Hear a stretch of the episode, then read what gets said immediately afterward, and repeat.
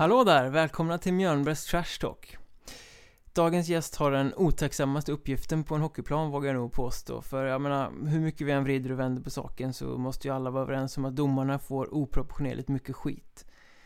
Domaren eh, Morgan Claesson, han vet allt om det här och ja, när vi sitter ner och snackar så kommer vi naturligtvis att prata om näthat, om burop, eh, om den där gången när han blev påkörd av en spelare i seriepremiären och det lite infekterade efterspelet till allt det där. Men vi ska snacka lika mycket om kommunikationen på isen och hur den kan och bör se ut och respekten man ska ha för varandra och vi kommer lista stekheta möten i Hockeyettan och ha ett ganska intressant samtal faktiskt om jag får säga det själv. Men eh, innan vi går vidare så precis som vanligt så vill jag säga att om ni har synpunkter, om ni har ris eller ros eller bara vill skrika ut i etern så går det skitbra att höra av sig. Då mejlar man mikael.mjornberg.se Man letar upp mig på Twitter, det heter atmjornberg, eller så skriver man på Facebook-sidan Mjörnbergs Trash Talk. Men nu går vi på intervjun i dagens avsnitt och jag tycker det här är grymt intressant och det tror jag ni också kommer göra så att uh, vi släpper loss Morgan Claesson. Trevlig lyssning. Då sitter vi här i ishallen i Alvesta med eh, domare Morgan Claesson. Hallå hallå! Det är rätt tomt här idag. Det ser ut som att de håller på att spola upp isen eh, inför kommande säsong och sådär. Men jag kan tänka mig att du har tagit ett eller annat skär här inne. Ja, jag började ju som målvakt som liten knatte här och ja, i början varierade man lite utspelare och lite målvakt men sen blev det målvakt fram till junioråldern och därefter blev det dömning på heltid.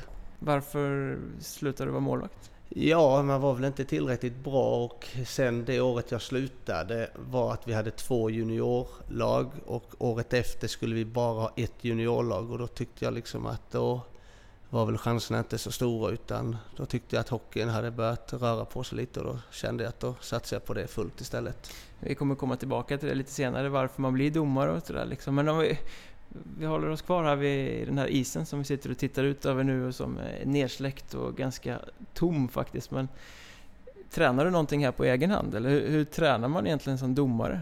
Ja, det vi har ju, det har väl blivit bättre och bättre med kurserna så lite hårdare krav och sånt än när man började. Men vi har ju VIP-test löpning eller Cooper-test, löpning och sen lite istester och sen givetvis regelkunskap. Så det är ju, jag tränar ju mest löpning och sen är det lite att man har ett litet gym hemma i garaget och kör lite övningar där men mycket löpning. Men ingen isträning eller sådär? Jo, jag försöker. Vi har ju ett veteranlag här i Alvesta. Jag försöker träna så mycket jag kan. Men nu har de istid onsdagar och söndagar och det är ju nästan då jag dömer alltid. Så det, Annars så försöker man komma upp här lite på allmänheten och den onsdag man inte dömer så försöker man vara med och träna. Mm, men det finns ingen sån där, eh, vad ska man säga, att man kallar det? Schemalagt eller något sånt? Nej, det är inte. Det är inte som ett hockeylag som går till sina specifika Nej, tränar det... tillsammans, gör sina översteg? Nej, inte så. Och lika, alltså, här finns ju... Jag kan tänka mig att det är ont om istid till vissa lag och då är det klart att då är det kanske svårt att klämma in ytterligare istider för domare tyvärr. Så är det väl. Mm. Man blir ganska mycket ensamvarg när man är hockeydomare. Ja, det är väl kanske den biten jag saknar mest från ett lag då, med ett hockeylag runt 20 spelare. Liksom man känner den gemenskapen och man tävlar och vinner ihop och så här. Men samtidigt, vi är tre stycken och jag brukar ha lite talesätt i mina linjer, men att vi går ut på isen tre, vi går hem tre, för vi, vi måste hjälpa varandra och vi är vårt eget lilla lag. Mm.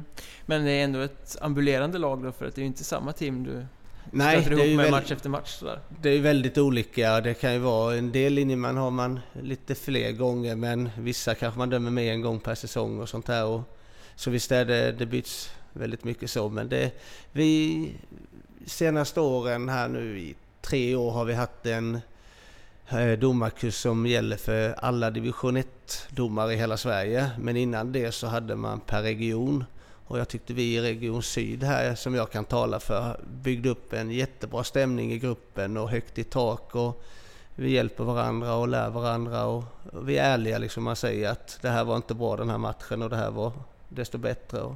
Så vi, hade, vi är ett rätt bra team här tycker jag. Mm, så att nej, det är mycket utbyte liksom. Det är inte så att du gör en dålig match, åker hem och får sitta ensam på kammaren och älta det här? Nej, vi, vi har blivit... Eh, framförallt då när vi var regionsmässigt, då är det lite lättare. Så nu kommer vi vara på kursen nästa vecka, är vi väl närmare 150 aktiva domare totalt. linjemän och huvuddomare och det är klart att det är inte så lätt kanske att bli den här tajta gruppen.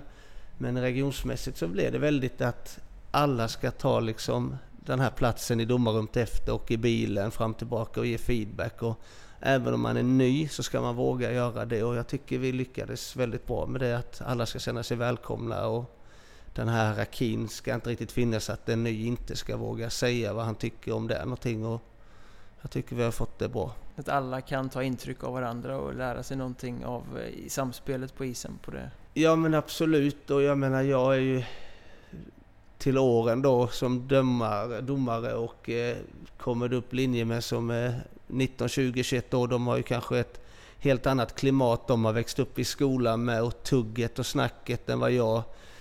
Ofta är det ju vi äldre domare som kanske tycker att snacket ska inte förekomma och lite yngre kanske lite mer van vid det tugget i samhället och lite sådana bitar. Och det är klart man kan lära sig av varandra. Mm, precis. Men nu är det försäsong och nu är det ni precis som spelarna som håller på att känna in grejerna och lära er att komma tillbaka till gamla vanor. Så jag vet att du var och dömde till exempel HV Frölunda här för, här för några dagar sedan. Ja, i fredags i Halmstad ishall där, ja, eller Halmstad Arena och det var jävligt roligt. Hur mycket skiljer det sig med att plötsligt döma SHL-spelare kontra Hockeyettan-spelare som du var vid? Ja, det största, dels var det första matchen för säsongen och den, nu var jag i Nybro och Halmstad igår men det, det, är klart att de första matcherna är ju alltid lite, lite ringrostigt så att säga. Men nu dömde vi då i fredags i Halmstad med fyrdomarsystem. Och där har du nästa steg att man har en huvuddomare som man ska ha lite åkmönster och det är ett annat åkmönster hur man ska åka. Och, så det är klart att det var väl den största skillnaden. Sen givetvis, alltså det, det är ju bättre spelare, passningar, det går fortare och lite sånt där. Men som huvuddomare åker jag ju mindre i en sån match än vad jag till exempel gör i en vanlig division 1-match där jag är själv som huvuddomare. Mm. Ja, men jag vet eh, ofta när man pratar med till exempel gamla elitspelare eller sådär som kommer ner i ettan Eh, efter många år i SHL eller liksom sådär, att de ofta blir ganska chockade och tycker att det är väldigt svårt för att det kommer spelare där det inte ska vara spelare. Så att man är inte lika skolad i ettan. Liksom. Nej, visst är det så. Det, alltså, de gör lite finter som i normalt fall så ska spelaren gå till höger men han kanske inte riktigt fattar utan han går till vänster och där smäller det istället. Och, så visst är det så. Och det är inte Sen har ettan blivit bättre här genom åren och så det är inte bara för att han har lirat i SHL och kommer ner i ettan så det är inte bara att dominera. Det, det tror jag inte det är många SHL-spelare som har kommit ner som tycker att de, att de kan leka i denna serien. Absolut inte. Men är det lättare som domare att hoppa mellan serier än som spelare? Tror du, eller? Ja, nu, nu har jag ju inte dömt om man säger just med eh, fyrdomarsystem mer än den matchen då. Och det kan jag väl tänka mig att de domare som dömer SHL och Allsvenskan att ena dagen dömer man där, nästa dag. Så jag tror väl det är svårare att ställa om för dem kanske då. Annars är det ju oftast ju bättre lag, lite på något sätt blir det lite renare spel. Alltså det finns lite mer struktur. Man ser lite vad som ska hända. Så, så det kan ju vara lättare ur den aspekten. Mm. Hur många säsonger är det du har eh, dömt i Hockeyettan?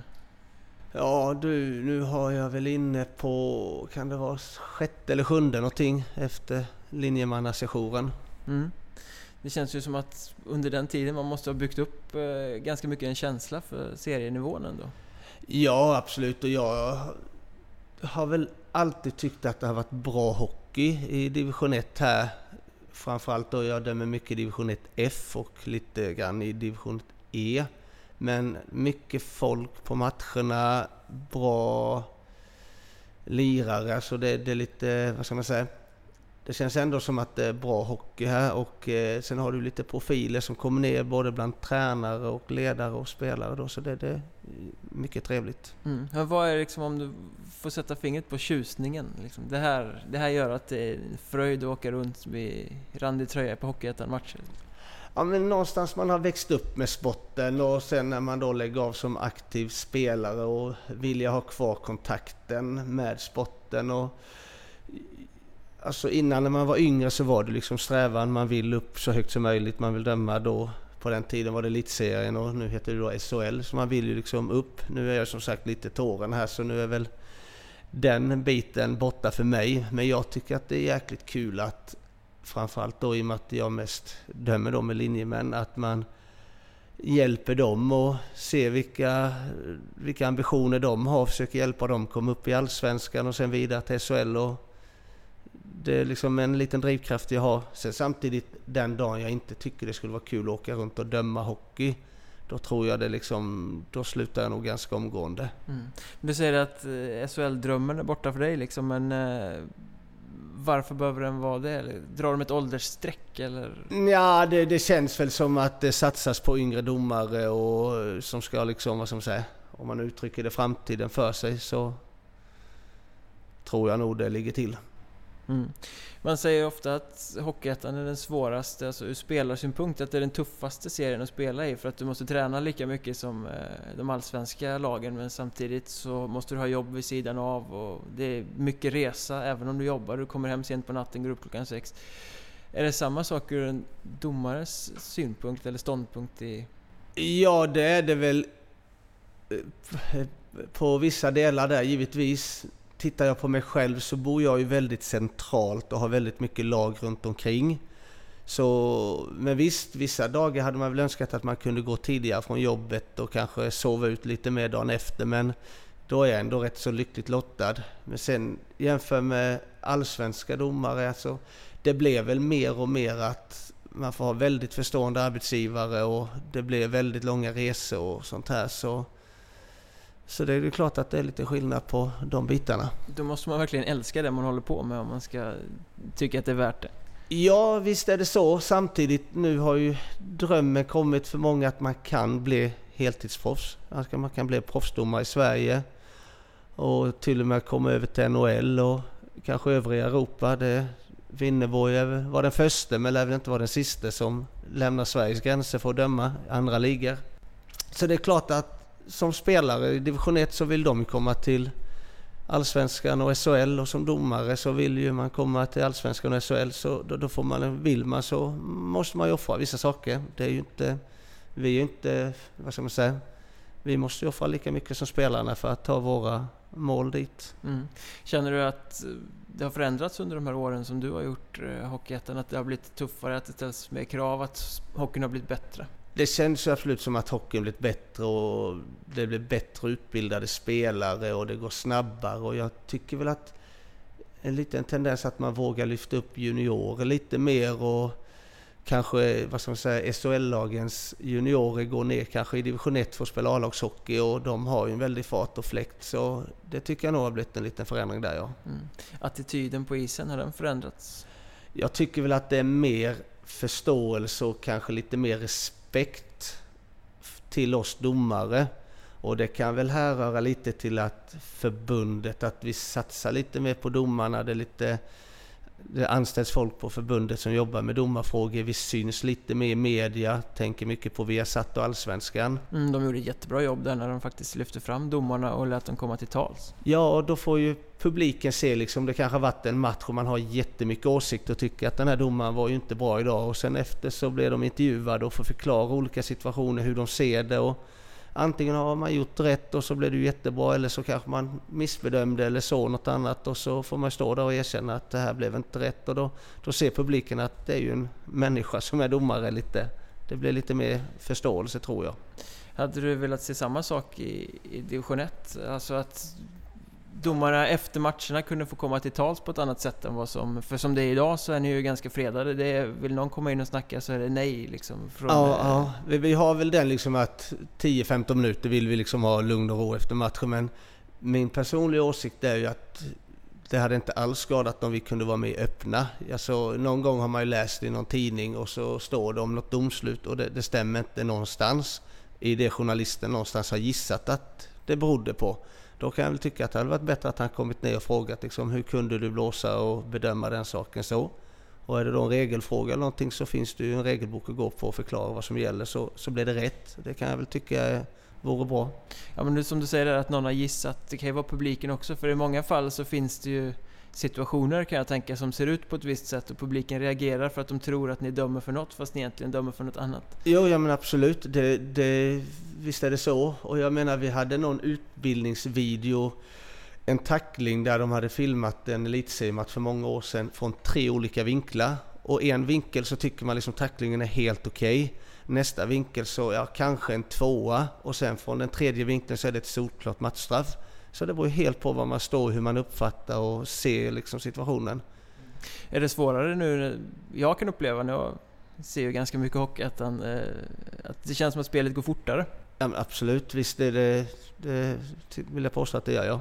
Ja, och då blir den här typen av situationer då ännu knivigare. Hade du någon gång kunnat önska att du fick ha en, en do, huvuddomarpartner även här nere med ett fyrdomarsystem? Ja, men det var ju skithäftigt i fredags då liksom att man var två där ute. Det är ju både en trygghet och eh, att man ska se mer. Och sen liksom man... Ja, det var... Vad ska man säga?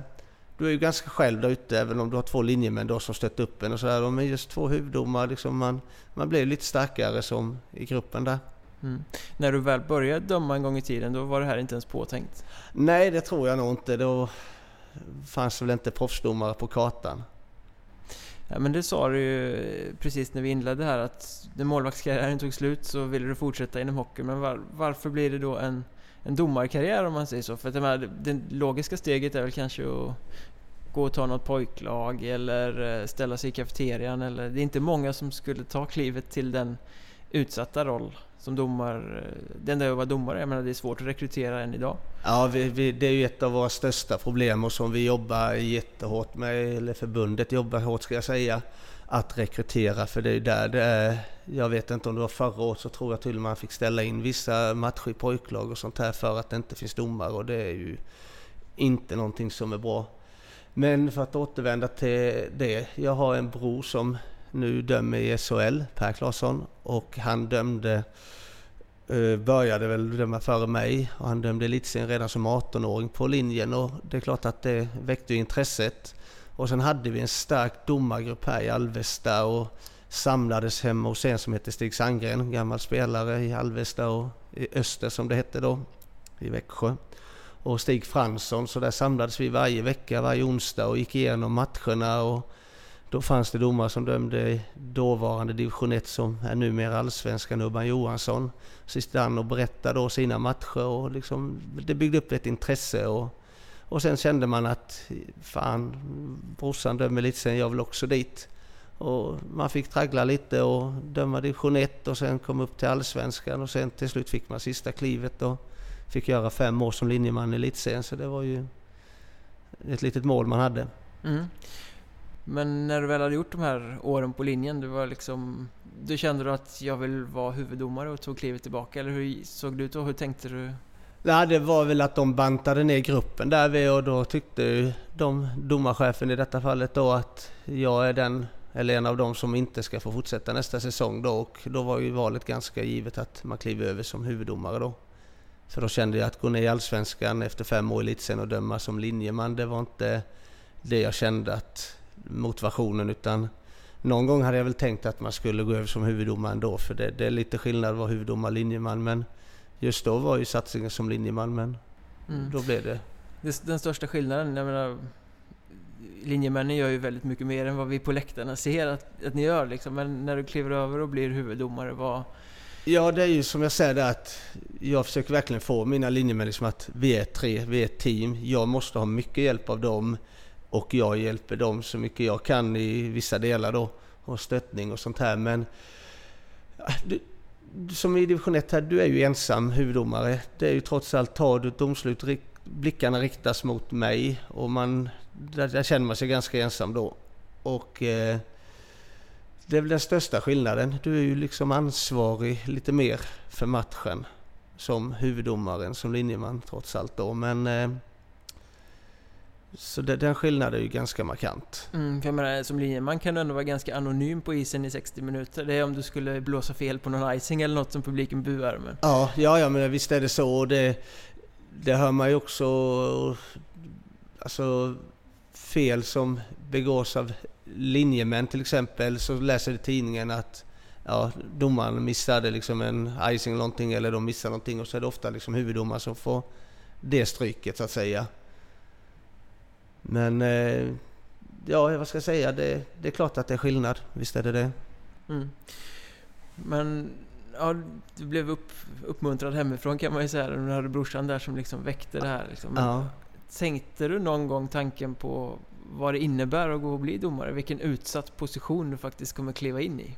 Nej, det, det, kan jag inte säga att jag någonstans liksom la i någon vågskål. Ska jag bli domare så kan jag bli utsatt för det här eller detta kan hända. Eller utan, nej, absolut inte. Har du ångrat dig någonstans längs vägen? Nej, verkligen inte. För jag tänker ändå så här. Eh, vad, du kan göra den klockrinaste matchen, du kan komma ut till eh, omklädningsrummet efteråt och känna att idag, fan killar, idag gick det riktigt bra, vi nailade det här. Och ändå så kommer två sidor och tycker att du var kass. Jo, men så, så är det alltid och eh, du, har ju mycket det här med sociala medier nu. Man får sms och man får meddelanden på Facebook och det skrivs överallt att man är en idiot och hur jäkla kass man är och sånt där. Men det, är liksom, det kan man lämna det här. Det är liksom nättroll som sitter där och skriver anonymt. Det tycker jag inte man ska bry sig om någonstans. Jag försöker förklara för framförallt då man, sen man har lite utbildningar för pojklagsdomare att folk som står på läktaren och skriker, de skriker någonstans på en svartvit domartröja. Det är inte personen som är i domartröjan som får skället så att säga. Men eh, det, det, är klart att det, man får höra mycket och man får se mycket. Och sen till sist och syvende så, jag vet bäst själv om jag är nöjd eller inte. Och det finns matcher där jag har varit jättemissnöjd och alla är jättebelåtna. Och vice versa som du ser. Det finns matcher man tittar på i Allsvenskan eller SHL och man tycker kanske inte var så bra. Och så ser man då att ja, de får jättemycket beröm. Eller vice versa där med. Så det, det, man, jag tror vi, man känner väldigt väl själv om det har varit bra eller inte bra. Mm. Men om jag går till mig själv till exempel. Jag tror att jag skulle kunna känna en eh, väldigt stor frustration om jag tycker att jag har gjort någonting helt rätt och ändå så står det två tränare och skriker på mig och säger att eh, det där för helvete vad kass du är.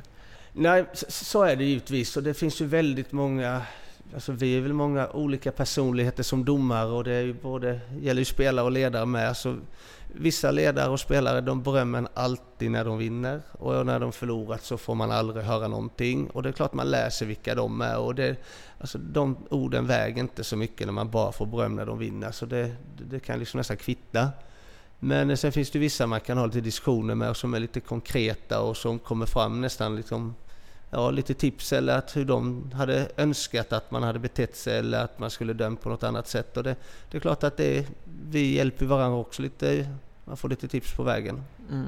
Är det svårt det här att nollställa sig själv helt och hållet i huvudet? Jag tänker om du har en spelare som du vet med dig är jävligt jobbig, arrogant, ofta spelar fult liksom. Är det svårt att gå in nollställt och se honom som eh, precis vem som helst? Ja. Alltså det är ju vårt jobb. Vi måste ju försöka vara så proffsiga att vi gör det. Sen är det klart att vet jag att det finns en kille i det här laget som han kör alltid stenhårda tacklingar så han fullföljer varje gång. Det är klart att jag måste vara med och se de tacklingarna för att om det råkar bli att det kommer upp en klubba eller några armbågar eller någonting. Det är klart att vi måste ju liksom veta vilka spelare vi har att göra med. Så eh, sen visst är det, vad ska man säga, någonstans har vi en spelare som alltid, alltid gnäller, som hela tiden, liksom vad man än gör match efter match. Alltså någonstans så, det är klart att någonstans kan man ju tycka att han förbrukar lite sin rätt att komma varje match, utan då kanske man är lite hårdare tidigare i matchen mot en sån spelare än vad man hade varit mot någon som kanske aldrig är framme och gnäller och så helt plötsligt kommer han fram och har någonting att säga. Då kanske det ligger lite mer studs i det. Så att han har förbrukat sitt förtroendekapital över säsongen snarare än i den specifika matchen? Nej, alltså det är ju... Jag säger nu att jag har samma lag tre matcher i rad. Och i första matchen så liksom har man den här spelaren som gnäller och gnäller och gnäller. Och så kanske man är lite lam som domare, att man köper det i en och en halv period. Och så går man in i andra och säger till han. Och sen nästa match så börjar han likadant. Det är klart att då har jag ju med mig det sen förra matchen att nej, jag kanske ska stävja det här tidigare. Likadant om det är ett lag som man vet spelar mycket med klubborna och så släpper man upp det och så liksom blir det nästan svårt att hämta hem matchen för att man släppt upp det för högt. Nästa match jag dömer dem, det är klart att då har jag det i bakhuvudet. Då får jag dra den lärdomen att här får jag nog börja ta lite slashing tidigare så att jag håller ner nivån. Statuera exemplet liksom. Ja, ja, liksom att man Så här går det inte till på min is. Ja. man, eh, Sen givetvis liksom att alla ska bli dömas fair. Alla ska ju liksom få samma chans och man tar liksom inte en tripping extra på den spelaren bara för det. Just den spelaren men just vissa grejer kan man ju göra och det är lite det matchledarskapet handlar om och veta liksom hur man... Ja, vissa matcher känner man att det här kan man liksom låta det gå lite mer och märka att de tar det. De tar en smäll, de ger en smäll, det är inga efterslängar. Men ser man en match att det blir efterslängar varenda gång, ja till slut så får man ju då börja plocka dem för då, då klarar inte spelarna av att få en smäll utan att de ska ge efterslängar och då får man ju beivra det.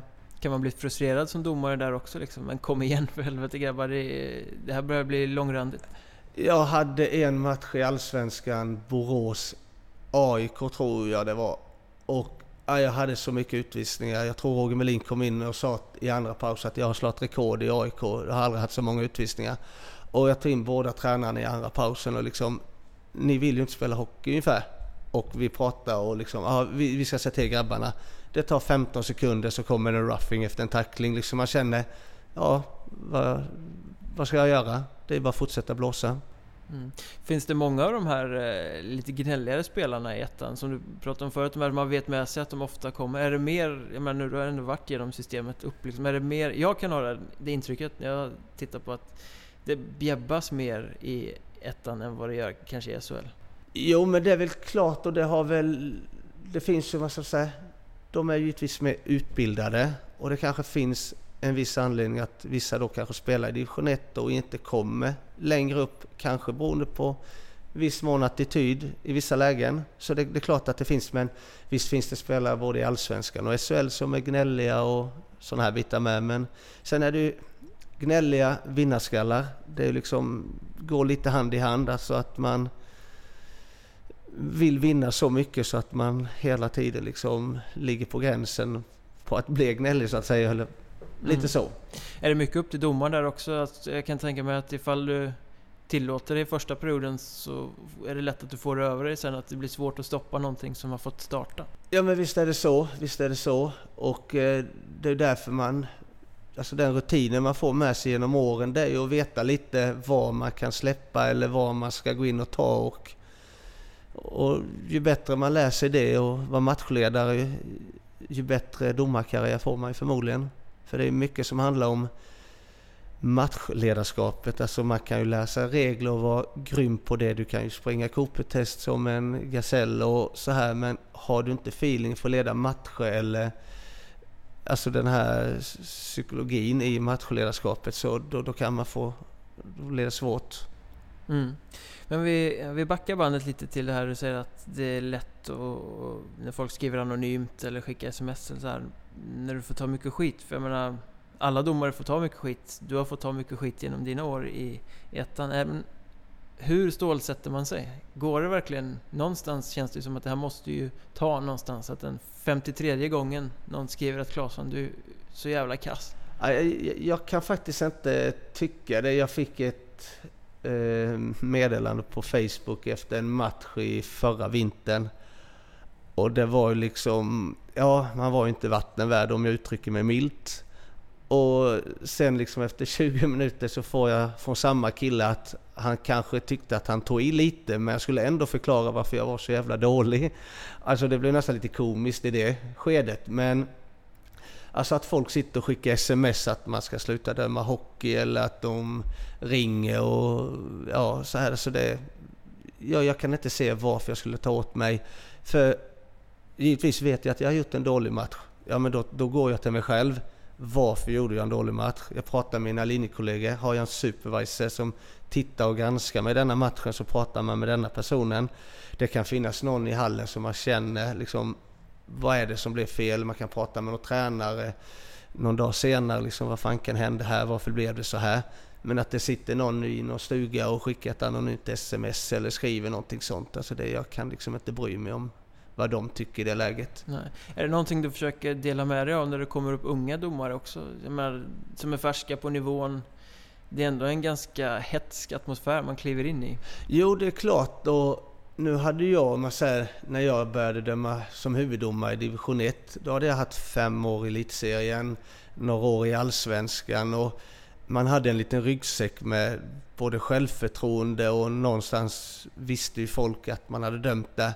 Och det är klart att då kanske inte folk sätter sig lika hårt på en att man liksom försöker sätta dit det. Men medan en bra huvuddomare som kanske börjar som huvuddomare, dömer ett år i trean, två år i tvåan, kommer upp i ettan. Där det ändå då är profiler och färgstarka människor som har liksom också varit med då och sen trappat ner. Det är klart att en sån domare kanske de lättare försöker sätta press på och, och det, det, det är klart att det, det, pratar vi om och hur man ska agera och försöka liksom försöka att eh, få dem att förstå lite vad det handlar om. Mm. Går det att förstå det innan man har varit mitt i det tror du? Det är ju väldigt olika från, från person till person. Vissa tar det jättebra och vissa kanske tar åt sig jättemycket. Och ja, det är klart att det har ju säkert slutat ett antal domare genom åren för att de inte tyckte att det var värt att få all den här skiten. Att man inte var beredd att offra all tid och alla kvällar borta från familj och borta från jobb för att höra vilken idiot man är och få massa samtal, sms. Det är klart att det finns ju folk som har slutat på grund av det. Får man mycket sms och samtal? Ja, det händer väl. Jag ska väl inte säga att jag får jättemycket, men det blir lite på ja, via nätet och givetvis mobilen då. Det händer ju, men det jag rycker åt axlarna åt ja. att det... Ja, men jag tänker på, på nätet, det är ju ändå, man sitter där i stridens hetta och kastar ur sig någonting. Man tror man är anonym, det kan ju vara hänt liksom. Men att ta steget till att leta upp någons telefonnummer och ringa. Ja. Det är ju det är ju lite längre. Ja visst är det det. Det är ju liksom... Ja man undrar liksom hur folk tänker. Det är ibland. Men det, det, det finns ju som det heter nättroll överallt och det finns ju folk, det räcker att gå in och titta på Expressen och Aftonbladet på deras recensioner, liksom vad som skrivs efter, vad de tycker. Och Alltså, man kan ju inte tro att de kan vara i sina sinnesfulla bruk ibland när man läser vad man skriver om olika människor. Det, och det kan ju vara om spelare också, eller ledare. De vill ha bort en tränare de tycker dåligt. Så det är inte bara domare som får den skiten. Men jag vet inte om man sitter hemma och tycker att en tränare varit dålig så ska man gå in och kommentera något i Aftonbladet och skriva liksom vilken jävla idiot det är och sånt här. Jag, jag, jag förstår inte det. Nej, ibland kanske man borde mana till lite mer eftertanke på något sätt. Ja, alltså det... Det, det, ja, det, det, det, är så främmande och någonstans tycker jag liksom att varför skulle jag ta åt mig när en sån människa säger det? Däremot om jag har liksom en match jag dömer och så har jag en supervisor som jag... Liksom jag vet liksom han är där för att titta på mig och han och eh, gå in i omklädningsrummet efter och tala om för mig att du kan inte ha det åkmönstret eller du måste ta slashing eller du får inte ta så många slashing. Alltså någonstans, han är där för att hjälpa mig. Det är klart att de orden tar jag ju åt mig och funderar på. Nu har vi ju bra här nere i division 1 F och många som spelar in matcherna så vi kan få dem på efterhand då så vi kan titta på dem och det är ju också en jäkla bra utbildning.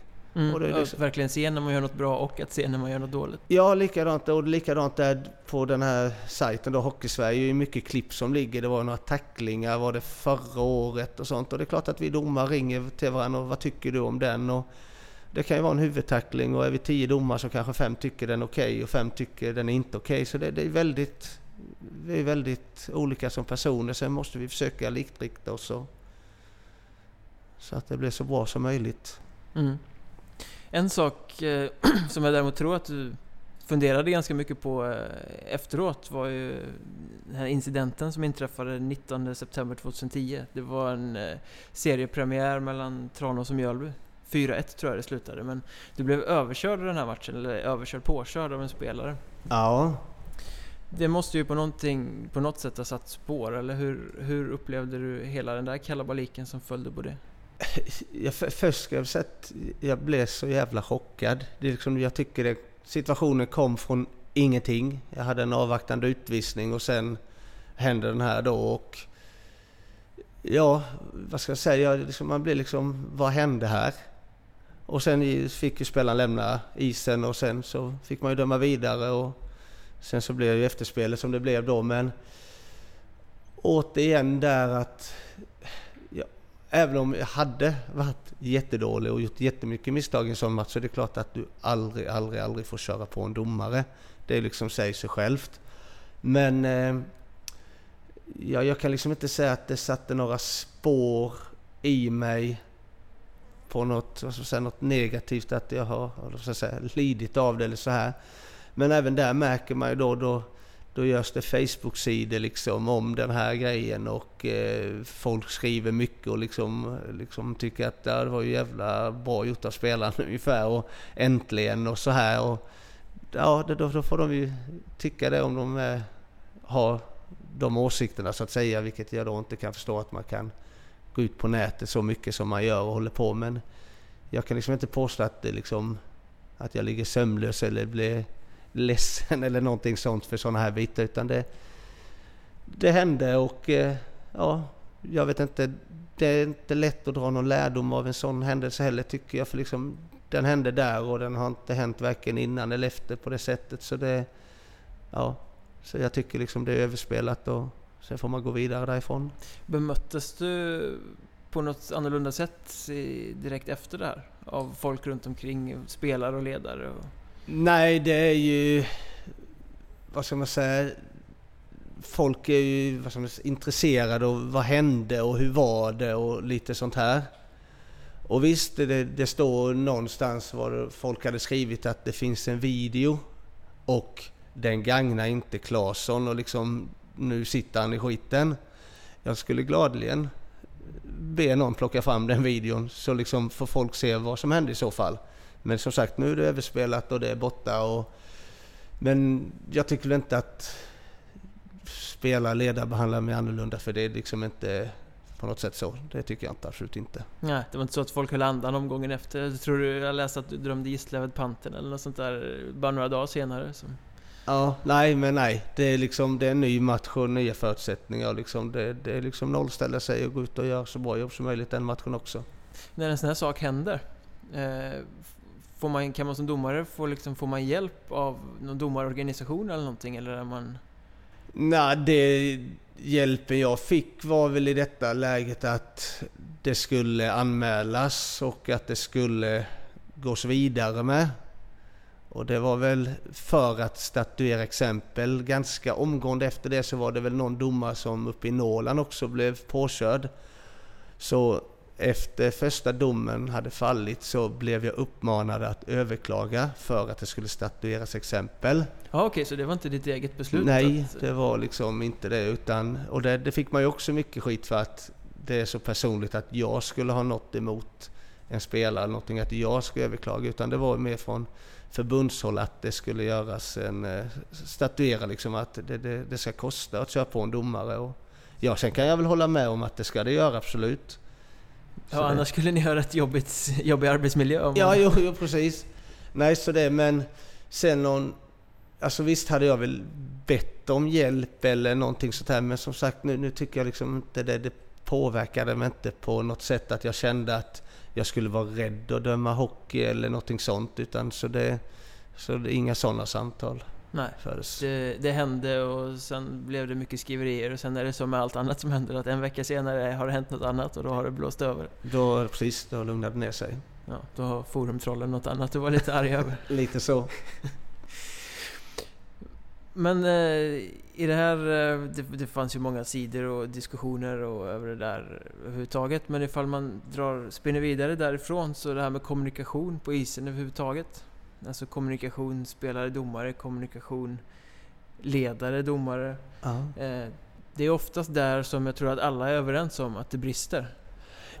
Jo, lite som jag sa, jag var inne på det här när jag, eller när man har varit med lite högre upp och kommer ner i divisionen och man har ryggsäck att bära på. Det är klart att för mig är det kanske lättare att åka fram till en tränare som kanske man vet, han har spelat elitserien, han är ett stort namn och han är liksom väldigt verbal i båset. Mot den här domaren då som har gjort ett år i trean, två i tvåan och första året i ettan. Han kanske tycker det är jobbigare och liksom inte riktigt har den pondusen att åka fram. Och det är klart att då kan ju den tränaren bli jävligt frustrerad på den domaren som han tycker att ah, han vill aldrig prata med mig. Det är som jag förklarat för någon tränare någon gång att så som du står och skriker, jag kan åka fram till dig för liksom någonstans har vi dömt varandra, eller jag har dömt dig så länge när du dömde eller spelade elitserien och sånt här. Men den här domaren är så pass ny så han kanske inte riktigt känner att han vet liksom hur han ska agera och då kanske det blir en misconduct istället för han tycker att du skriker för mycket. Men så det, det är klart att det blir mycket det är jäkligt viktigt med kommunikation, att man kan prata. Och det, det kan ju vara domarna som agerar fel och det kan vara spelare eller ledare som agerar fel. Så det, mycket är ju det där med att ha respekt för varandra och förståelse för vad vi håller på med. Ja, jag menar kommunikation, det är ju inte en envägsgrej utan Nej. det gäller ju alla inblandade måste ju hitta någon form av nivå där ja. man kan mötas så att ja. alla känner att det här funkar. Ja. Nej, och det, det är ju väldigt olika. Vissa tränare kan du åka fram till och du ser inte på dem om de är glada eller de är vansinniga. Och sen vissa så ser du direkt att när han är vansinnig, ja, då vet man liksom att då får man ta det därifrån eller så är det till ett skämt och så fungerar det. Så det är, vi människor är ju olika och vad ska man säga, vi hanterar olika situationer på olika sätt. Och det, det är ju någonting vi pratar mycket om på kusterna med att man försöker just kommunikation och just det här ordet matchledare.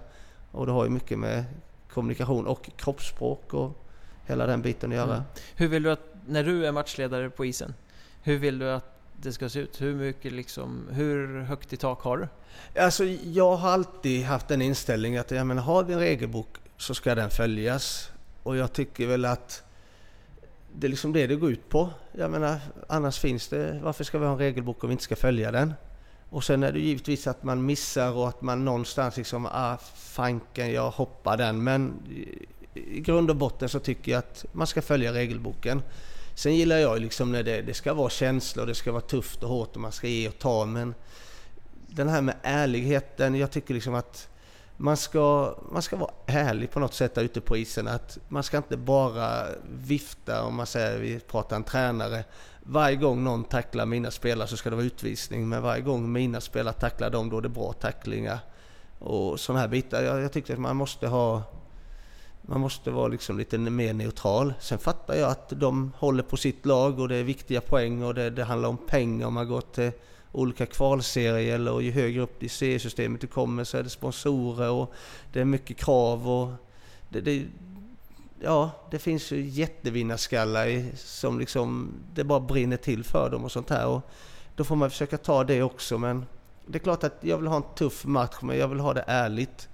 Och det är klart att folk ska få någonstans tycka och tänka och säga och sånt här men Sen brukar jag prata med vissa tränare liksom att visa inte hela hallen hur dålig du tycker jag är. För liksom då spelar du ut mig mot hela hallen. Eller spelare liksom som man säger till dem att stanna här och de liksom åker två varv runt en liksom för att markera att de ska spela ut den och sånt här. Och det, det, det måste vara en ömsesidig respekt och sen samtidigt måste jag ju behandla dem med respekt också. Så det, det, det är som du säger, det är kommunikation. Det är klart att det är viktigt. Händer det att eh, tränare till exempel står högröda i ansiktet och flaxar med händerna och skriker på dig under match och sen kommer in efteråt och, och säger att ja, förlåt, jag, jag eldade upp mig. Det... Jo men visst händer det, självklart. Och jag menar det har väl hänt att en annan har blivit någonstans förbannad och dratt någon ramsa eller sagt till något liksom att när man har tröttnat. Och det, det är klart att alla gör vi olika och sen samtidigt, man får inte vara med en människa. Det får ju vara tufft och hårt och sen när matchen är slut så tar man varandra i hand och så är det bra, så går man vidare. Eller så kommer de in i domarrummet och så pratar man om vissa situationer. Om, har jag någon tränare som jag tycker liksom att det här kommer inte hålla i längden om det ska vara 60 minuter konflikt så att säga. Utan då får man försöka hitta en väg, liksom hur ska vi ha det? För det här, det kommer liksom aldrig bli bra. Och om vi ska liksom alltså, inte ska vara ovänner men liksom, det ska vara gnäll på varandra hela tiden. Utan då får man liksom, också en kommunikation att man löser det. Och sen har du det här med kommunikation. Jag får lyfta fram en tränare nu i Oskarshamn, Fredrik Söderström. Han hade vi någon match och han ifrågasätter ett domslut och man svarar att så här ser jag på det och därför dömer jag så här. Och svaret man får från honom är att jag håller inte med men jag accepterar ditt beslut. Och det är ju en jäkligt bra kommunikation. Det är ju vad heter det, skolboksexempel på ja. hur man ska ge varandra ömsesidig respekt. Ja, och det är klart att då får jag ju respekt från en sån tränare när han sen kommer och kanske har lite större kritik om jag säger det. Att han tycker någonting. Då, då liksom, det är klart att då tar man åt sig lite mer. Men det är liksom, ja, jag, sån ledarstil gillar jag. Mm. På isen, spelare och så till exempel, det, det, är ju extremt stor skillnad från domare till domare när man ser här. Vissa visar bara bort, bort, bort. Kom inte hit och prata med mig, jag vill inte prata med er överhuvudtaget. Eh, andra kan stå och liksom prata i 20 minuter känns det som ja, efter varje... ja. Är det svårt att hitta en balans där? För jag menar någonstans så känns det ju som att de här domarna som motar bort och vägrar prata ganska snabbt tappar respekten från spelarna. Ja, det... Jag, jag vill väl egentligen ha kommunikation. Jag vill prata. Sen är det återigen det här liksom... Jag kan inte prata med samma spelare hela tiden som ifrågasätter allt. Jag menar, tar jag en solklar tripping, det är två spelare som åker och jagar en puck och den är solklar. Då behöver jag inte ha kaptenen från det laget som undrar varför jag tar en tripping. Det är liksom ganska uppenbart. Det läget, där vill jag inte prata. Det finns ingen anledning. Däremot om det har varit ett stort slagsmål och det kanske blir en tre, fyra utvisningar, det blir differentierat, att då får man kanske förklara istället. Sen samtidigt är det ju vissa ibland när det är slagsmål, då kommer de fram och ska prata under slagsmålsgång. Alltså det, då måste jag ju fokusera på vad som händer på slagsmålet. Så det, det, det är väldigt olika också på vilket sätt de kommer fram, vad det är de vill veta. Och sen är det väl sagt lite från domarhåll egentligen att vi ska inte prata för mycket med spelare och sånt utan matcherna ska flytta på och där. Men samtidigt tycker jag att, alltså sätta upp handen att jag pratar inte med dig till en tränare. Nästa gång kan det vara så att jag vill ha hjälp av den tränaren för att han har en hetsig spelare. Kan du lugna ner ditt lag? liksom? Ja, och ska jag då åka fram till honom, ja då kan han ju sätta upp handen i mitt ansikte. Jag pratar inte med dig för du pratar inte med mig. Och då återigen kommunikation. Så det är klart att det är ett spel och vi måste hjälpa varandra ute. Mm. Den här regeln som de ändrade för någon säsong sedan att 10 minuters personlig misskontakt istället blev två som drabbar laget. Ja. Eh, har det påverkat tugget på iset på något sätt? Jag vill inte påstå att jag har haft så himla mycket sådana utvisningar vad jag kan minnas. Men det är klart att i och med att det blev laget då, det är klart att jag förmodar om, om tränarna är smarta att de pratar med spelarna att de i princip ska hålla käften lite mer, att det inte ska bli de här powerplayen och boxplayen för dem då. Så att det är klart att det, det, i och med att det drabbar laget mycket hårdare än en 10 minuter personligt så, så visst, det har väl hjälpt en må- viss mån. Mm. Det jag kan uppleva ganska påtagligt här när man pratar med spelare och sådär, att de också tycker att det är bra.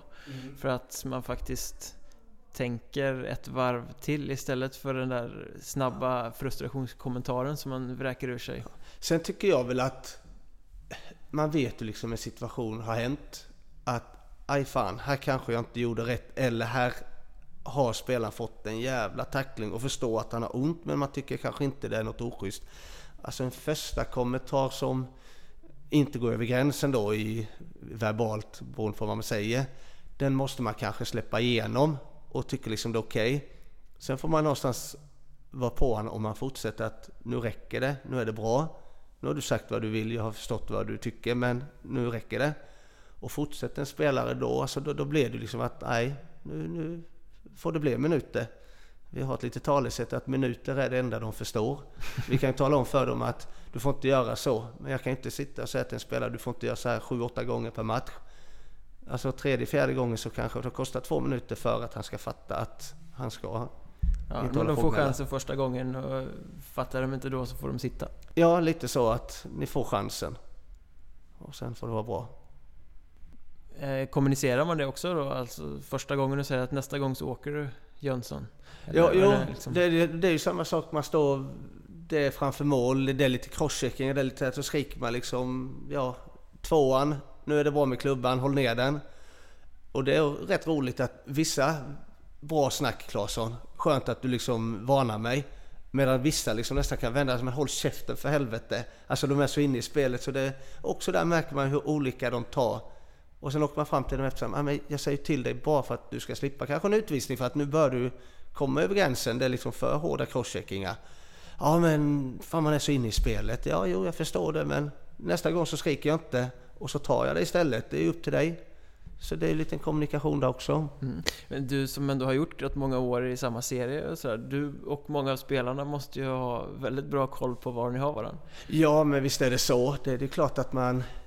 Det, det kände vi ju även om man känner igen spelare i HV och spelare i Frölunda i detta läget. Som att man har ju inte alls koll på vilka spelare det är med dels tröjnummer och hur de agerar eller sånt här. Så det, dömer man kvalmatcher, det kommer lag uppifrån Norrland som du aldrig har dömt och du, liksom, du har inte en aning om vilken spelare som kanske är dens eh, säger, det lagets polis eller så här. Men visst, nu har vi ju den grejen med då att vi har de här gemensamma kurserna och det är klart att jag kan ringa den domaren som har en kvalmatch uppe i norr och så kommer de ner så har de en kvalmatch i syd. Det är klart jag kan ringa den domaren och prata hur var den matchen och man ser att det var mycket utvisningar, det var mycket liv eller sånt där. Så det, det, den kommunikationen är också viktig. Okej, om vi tar det vidare här, eller vi kan ju liksom, om vi spinner vidare på det heta liksom, Finns det några möten i, säg Söderserien här som är hetare än andra, där du vet innan att här kommer det bli åka av, de här två lagen gillar inte varandra här.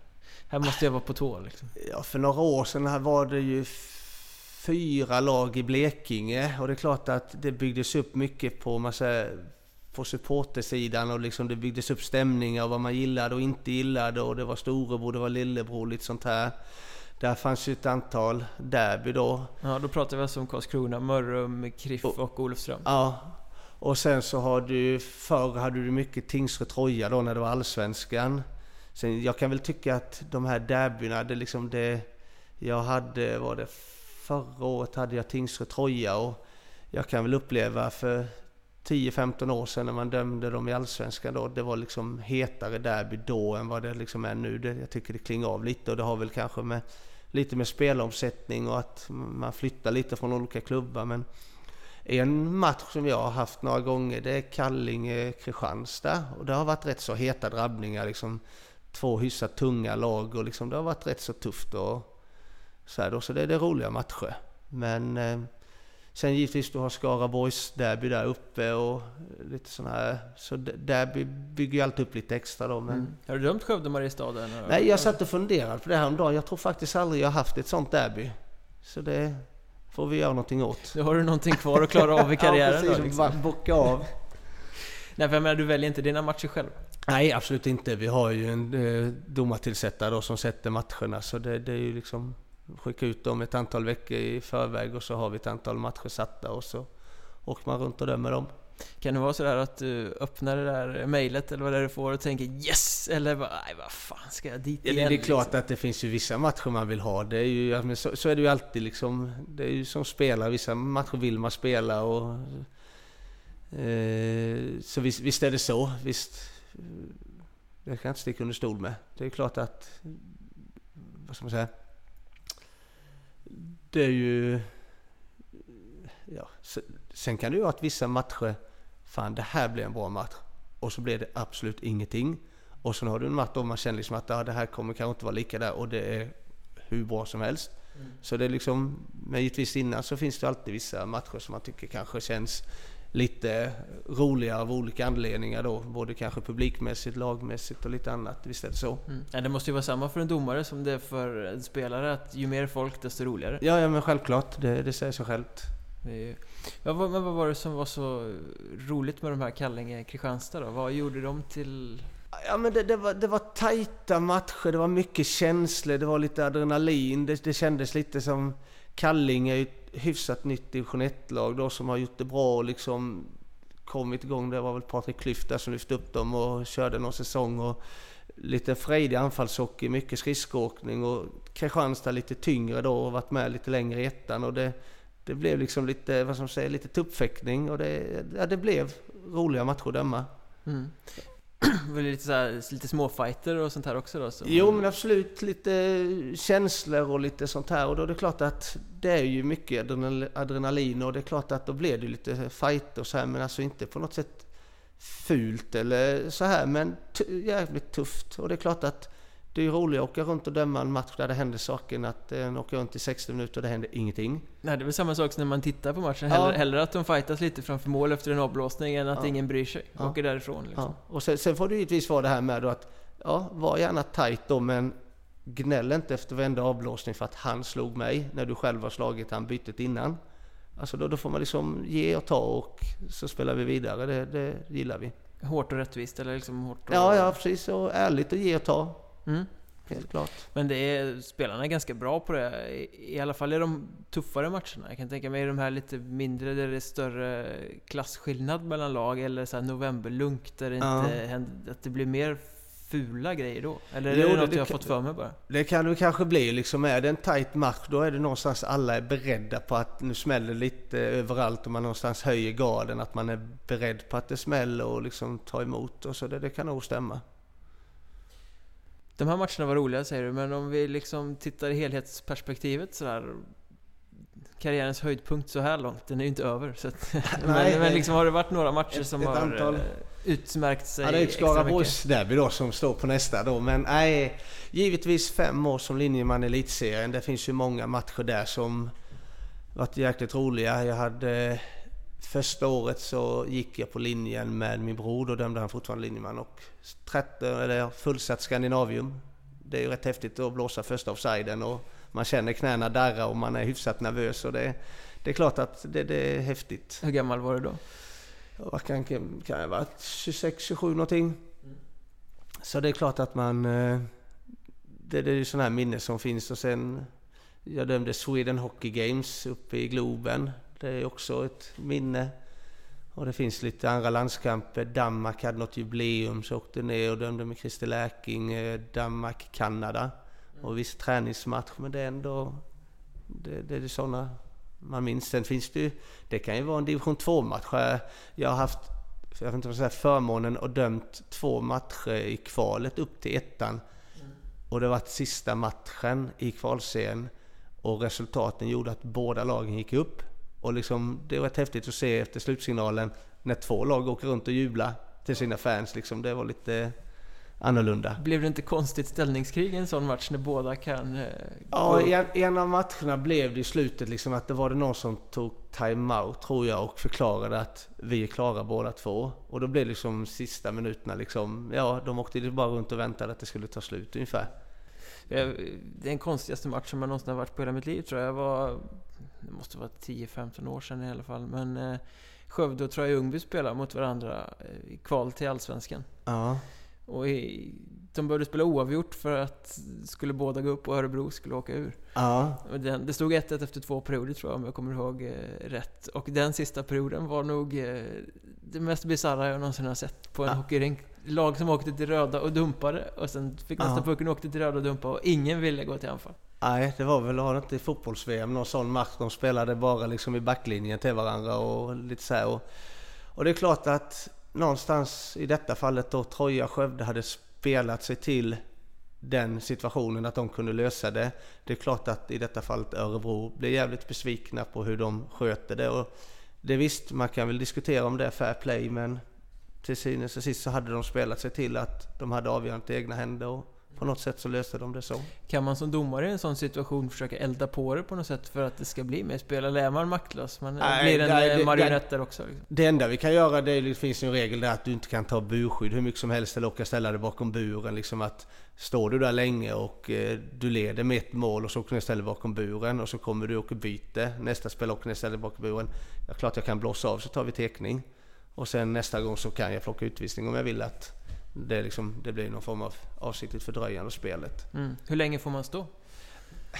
Ja, det, det har ju lite att göra med, alltså är det en motståndare som står framför mål och jagar lite. Det, det, det, det finns liksom inte skrivet att 27 sekunder sen blåser jag. Det, det, det är liksom från gång till gång. Man står och skriker på dem och märker man att de inte vill spela så kan man ju blåsa av. Och sen beror det på givetvis vad det står i matchen och att man märker att det är bara för att förhala. Ja, det blir fotbollens, eller hockeyns vari- variant av fotbollens Ja, maskning. och det, dit vill vi verkligen inte komma för det... Här är vi tack och lov förskonade jag, från kan, än så länge. jag kan väl tycka att fotbollen har några stora problem när det gäller de där bitarna. Så ja, det, Fotboll är oftast ganska kul fram till 80 minuter, sen är det ju bara en pina det sista. Ja, jag hade nästan lite ett förslag liksom att jag kan tycka att sista 20 minuterna ska de spela liksom effektivt. Att du stannar klockan så kan de ligga och snurra hur mycket de vill så är det verkligen 20 minuter. Men det kan vara övertid 5 minuter och ett inkast kan ta 2 minuter. Det är liksom... Mm. Och domaren lägger inte på något Nej. nytt för att då tar matchen aldrig slut. Ja, nej, också det, det liksom... Det, det som publik så är det inte roligt att titta på. Och det jag kan titta på matcher där jag inte håller på något av lagen. Och det är klart man kan sitta och tycka att det blir jäkligt tråkigt att se sånt. Mm, precis. Men eh, tillbaka till hockeyn, det tycker Ja. vi är betydligt mer Ja. intressant kanske. Eh, det var sådana här stora matcher. Har du någon match som hänger med dig i minnet så här, där du klev av isen och kände att idag, idag var jag riktigt, riktigt bra? Inte så här på rak arm. Alltså, jag kan i och sig rätt ärligt säga i fredags den matchen då med SHL-lagen. Det kändes faktiskt, vi sa det innan att vi dömer efter regelboken. Vi liksom, det var inte SM-final dömning om jag säger så, vad som döms där. Men, och likadant i och med att vi var ju vi ganska nya liksom på den nivån då sa det att jag tyckte liksom att jag tror det kan bli känsla här Frölunda HV. Det kan nog liksom vara lite tajt och det blev. Så jag tror vi hade 21 tvåor och liksom, det var någon som tyckte liksom var, varför är det så mycket? Ja men det är regelboken. Och så tyckte vi också liksom att vi ska inte släppa upp det för i det läget har vi kanske inte den rutinen att plocka tillbaka en match om vi har släppt upp den för högt. Nej, inte med vi, ett SHL-lag Nej, då tyckte vi liksom att då dömer vi från början och fortsätter. Och så får vi se i slutet om vi ska... Om det finns anledning eller möjlighet att göra det. Men jag tyckte liksom... Det, det, det kändes absolut jättebra och gav isen efter den matchen. För det var liksom lite stort och lite nytt och lite, vad ska jag säga, SHL-lag då. Så det är klart att det var, det var kul. Men i övrigt så kan jag väl inte säga någonting direkt att den matchen liksom, där gjorde jag allt rätt eller så haft någon match där jag har dömt och inte haft en enda utvisning. Det är liksom lite så här man kommer in efter att jaha, fan hade jag inte en enda utvisning? Nej, nej då var det kanske inte det då. Var du blind eller var lagen disciplinerade? Ja, lite, liksom? lite så undrar man ju. Det är klart att det fanns säkert om man skulle gå igenom matchen igen att man någonstans hittat någon hakning eller tripping eller slashing. Men just där det kändes som att ja, den behövs kanske inte eller den var inte med utan kan man få den känslan ibland när man är ute och dömer så här liksom att nej, nu borde jag fan ta något snart? Jo, men det, det är klart alltså man känner att man känner liksom det stegras, det blir lite hetare och så hittar man inte den och sen, ah, den, ah, den är okej okay, den slashingen, liksom, den får vara med. Alltså, den, alltså det är ingen slashing bemärkelse men man tycker liksom att fan det stegras hela tiden men man hittar inte ingången, var ska jag gå in och plocka? Och liksom till slut så känner man att, att jag måste ju fan hitta något.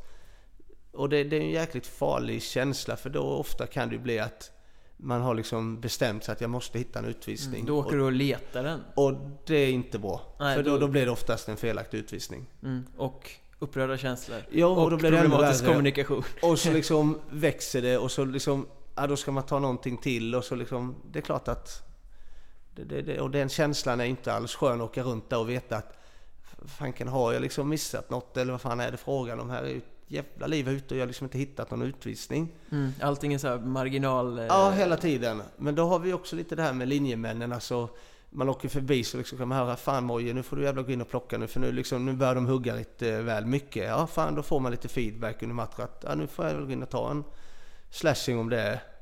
Så det, det... Visst är det, vad ska man säga? Det är klart att den känslan är lite halvjobbig om man inte känner att man kommer in i matchen. Man vill, man vill ju ha en utvisning i början så känner att fan, det är ju, ja, sen målvakt, han vill göra en räddning och känna på pucken i början och veta att han är med i matchen. Och det är likadant för oss domare.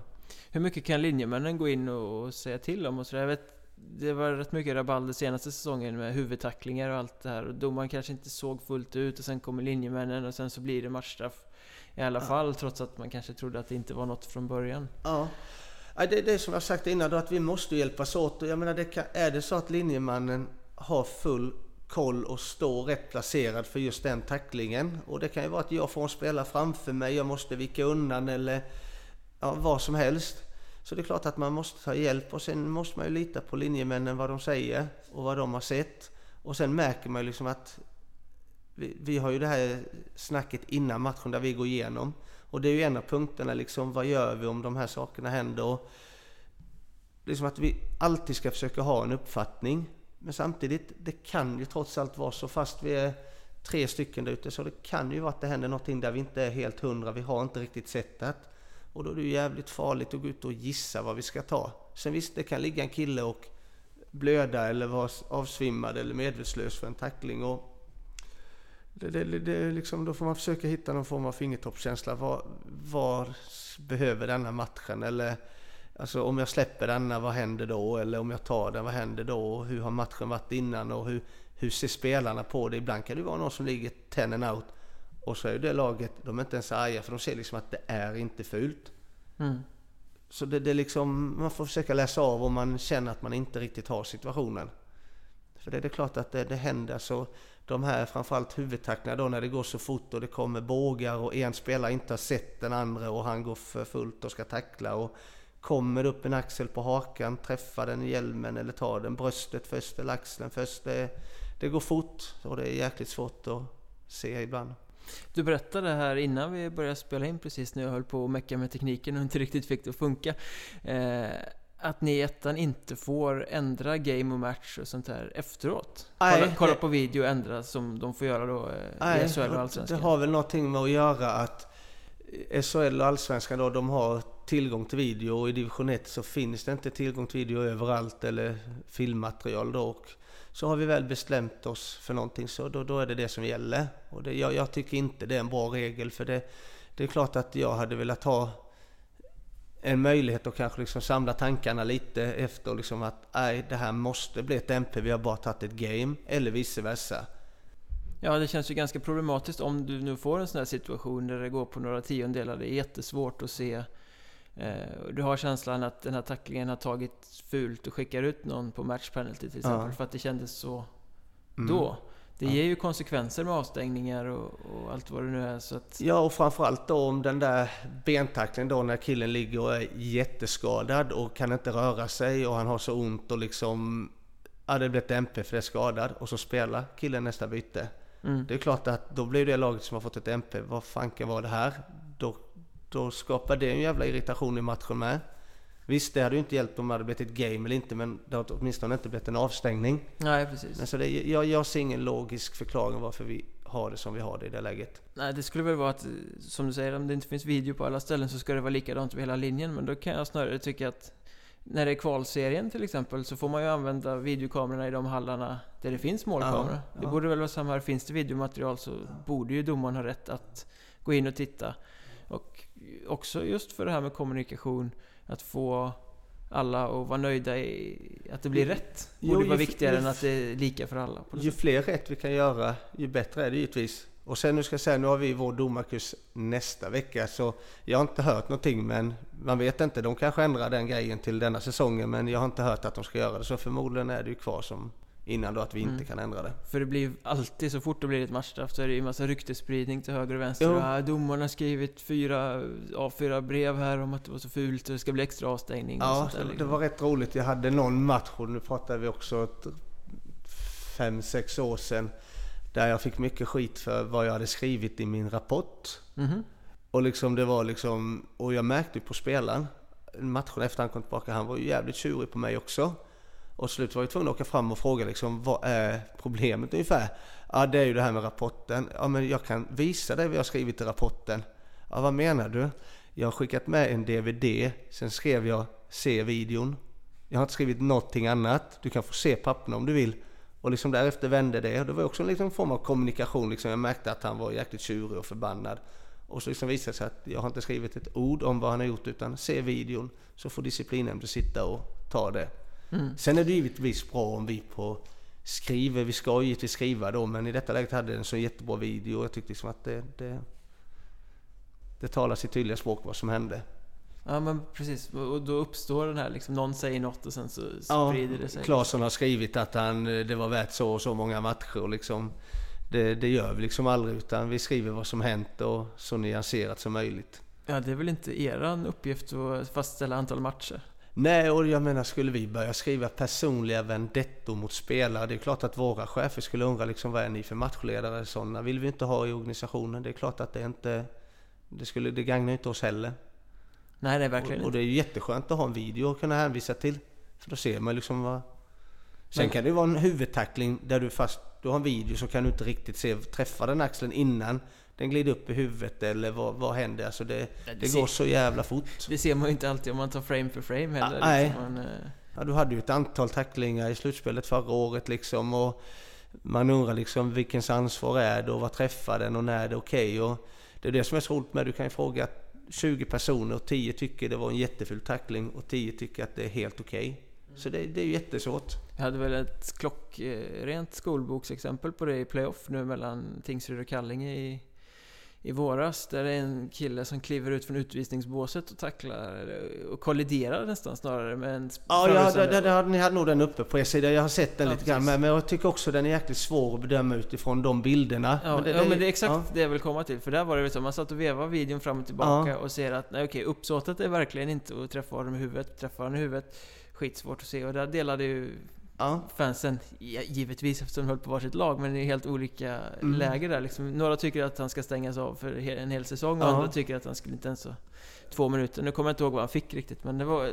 Ja, jag tror han fick eh, game eller någonting, jag, jag vet inte heller, jag kommer inte ihåg det. Men eh, nej, det, det, det är liksom, och då får man försöka någonstans samla sig alla tre domare och försöka prata och liksom någonstans komma fram till vad, vad har hänt här? Mm. Min känsla i den situationen var väl snarare att killen som blev tacklad inte väntar sig att någon ska komma ur sargen. Liksom. Nej. Att det är därför det blir som det blir. Det bara dyker upp någon, ja. Mm. Visst är det så. så det, är, ja, det, det, det är svåra situationer. Apropå döma eh, enligt regelboken, som du, du har sagt det flera gånger nu. Ja. Eh, det är ju tolkningsfråga till exempel, men som för några säsonger sedan så hade vi den här att ni skulle ta krafttag mot slashings och sånt till exempel. Ja. Eh, då hade vi en försäsong där det var så 40-50 slashingutvisningar i varje match och det var liksom parodi. Domarna gjorde rätt, men spelet blev ju odrägligt, det gick ju inte att titta på. Sen efter halva säsongen så höjdes den där nivån igen. Ja. Liksom, diskuterades det någonting om det?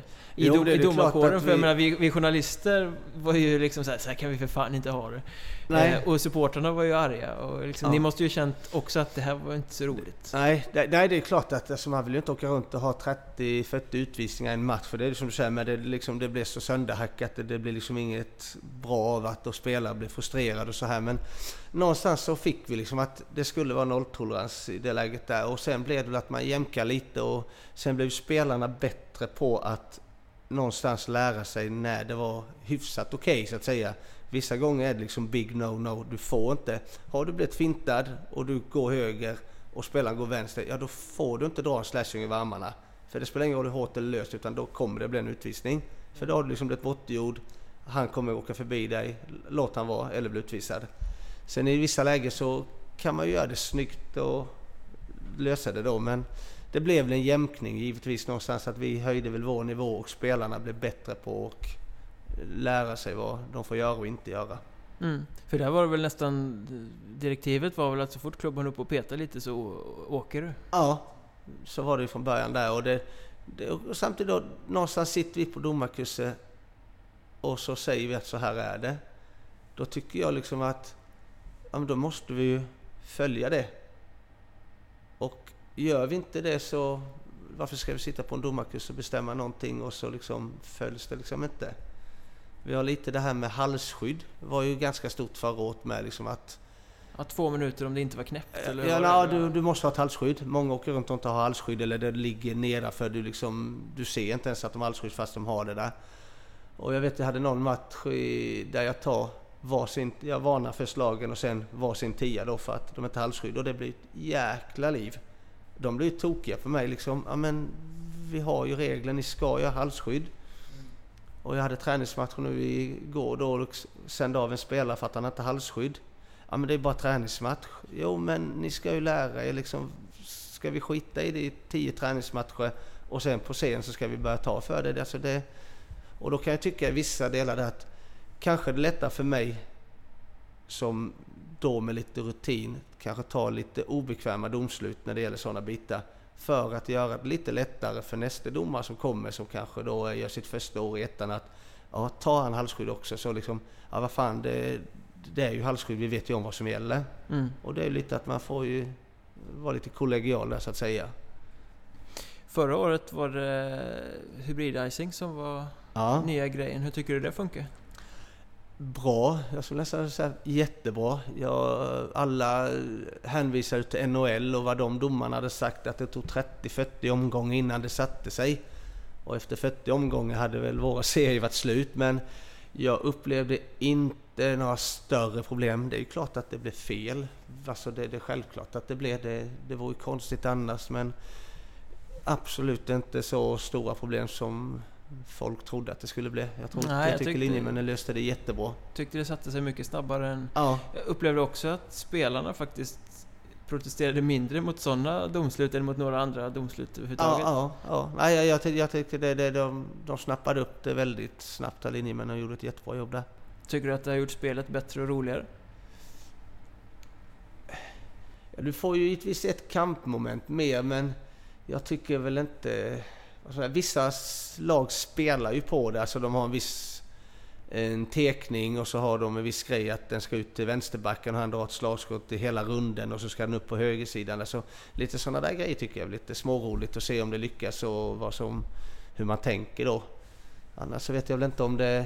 Ja, det blir väl lite färre avblåsningar såklart och det är väl lite det som är tanken. Mm. Nej men det måste vara ett nytt åkmönster för en domare också för att se till att inte vara i vägen när man Jo, kör alltså i, några gånger blir det ju bara att ah, ah, det blir icing, nu kan jag ta det lugnt. Och så bara hör man go. Ah, vad fan, nu har jag ju 40-50 meter borta. Det är klart att det, man får börja tänka till lite i vissa situationer att det, det kanske inte blir en avblåsning här utan då gäller det att blåsa på.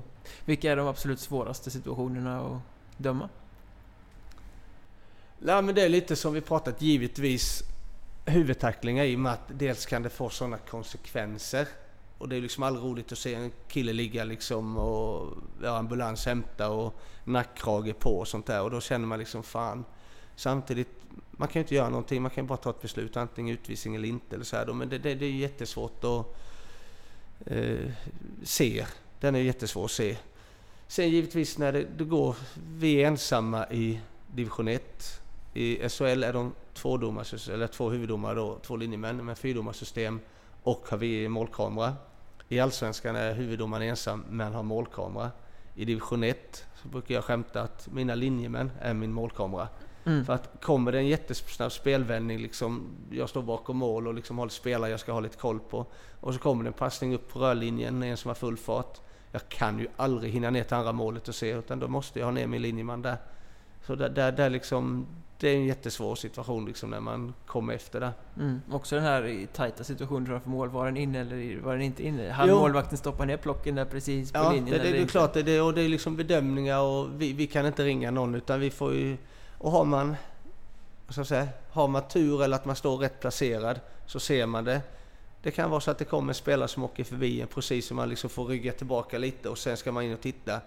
Och då har den kanske varit inne en decimeter och så har de vispat ut den och det, det går så jäkla fort. Mm. Och då kan du inte döma mål för då har du inte sett det. Nej, och likadant de här slagskotten eller styrningar som går kanske in i ribba ut. Jag menar det, det händer ju att man ser på eh, SHL liksom, där domaren står två meter ifrån och tittar och måste ändå gå och ringa för att det går så jäkla fort, det går inte att se. Och det kan ju räcka att man har vänt blicken ut mot två spelare som står där och drar lite crosschecking i ryggen. Och sen kommer slagskottet, styrningen, och så ska man vända och följa pucken. Ja, då är den ju redan på väg ut. Mm. Och vad tog den? Och då står man ändå två meter fritt synfält och kan ändå inte avgöra. Och det ena laget säger att det var klockrent inne och det andra laget säger att det hörde man ju att det var ju den där klangen som är i ribban. Jo, det, då kommer man ju till det här med ärlighet och sånt. Jag menar, du har ju ibland, du får frilägessituationer och vissa liksom tycker liksom att ah, men det var ju ingenting och det andra laget vill ha straffslag. Då är man liksom väldigt långt ifrån vad man tycker. Då, då kommer vi återigen till det här att visst, de får väl försöka påverka domaren lite och så här men då förstår man att någonstans ska jag där ta ett beslut. En vill inte ha någonting och den andra vill ha ett straffslag. Det är Mm. liksom... Två minuter, två minuter hooking då. Ja, ja lite, lite så. Lite så. Är det, är det någonting eh, som är nytt nu inför säsongen som kommer? Eh, Ja, som sagt, jag har faktiskt inte kollat upp riktigt än här, för vi har ju domarkursen nästa helg. Men jag vet att det ska vara någonting med målområdet och målvakterna där igen då, liksom att vi vill freda målvakterna. Att om det skulle göras mindre eller vad det var. Och, mm, men jag, jag kan inte, jag har faktiskt inte riktigt koll på den. Kommer bli mer goaltender interference i så fall då i, i vinter? Ja, det, det är samtidigt så vet de om det, att man åker på målvakten som blir utvisad. Det är samma sak som det här med misconducten, alltså vet de om att man ska vara så. Det, det är en liten självbevarelsedrift att vara rädd om målvakten. Vi får inte åka på honom. Jätteintressant allt det här, men om vi knyter ihop det lite inför... Eh, det är ju några veckor, när vi spelar in det här så är det några veckor kvar till första nedsläpp i säsongen. Vad ser du mest fram emot med, med den säsong som väntar? Eh, ja, det, det är ju alltid roligt att se var lagen står, nyförvärv, hur de satsat, lite nya tränaransikten, lite profiler som kommer ner och ja, nästan tänkte säga det personliga mötet liksom med folk. Alltså det, är liksom, det är ju liksom ett spel och det är ju lite en vad ska man säga, det, jag tycker om hela grejen med hockey. Jag tycker om pulsen, jag tycker om inramningen och återigen det här med nya linjemän som kommer upp, vilka tar för sig och liksom Visst, du dömer division 1. Vissa kanske inte har drömmen om SHL, vissa kanske inte har drömmen om allsvenskan. De är jättenöjda med ettan. De satsar på en civil karriär men de tycker det är jäkligt kul att döma och ettan är en tillräckligt bra serie för att man ska tycka att det är kul. Men det, det, det, det finns många bitar i att... Så jag, jag skulle vilja säga att jag ser väl fram emot allting egentligen. Det ser ut som att du verkligen brinner för det. Ja, ja men det, det, får jag väl ofta höra av granskare och liksom där att de tycker att man har ett engagemang och vill och liksom så här och någonstans tycker jag liksom att den dagen jag inte har det då, då kommer jag definitivt inte göra några bra matcher. Och det finns givetvis ett antal matcher i år som inte kommer bli speciellt bra också men jag tror det blir överlag jättesvårt att motivera sig, åka iväg och sätta sig i bilen, komma hem efter midnatt och så ringer klockan vid halv sex och ska man gå upp och jobba och veta liksom att fan det var inte roligt att åka döma igår, nu ska jag iväg imorgon igen. Då tror jag liksom att då, då, då blir det, det blir inget bra. Du har rätt många år kvar? Jag hoppas det. Vi får väl se vad... Det är inte alltid...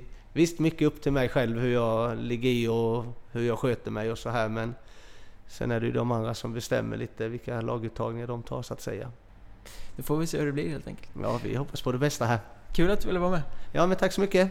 Tack.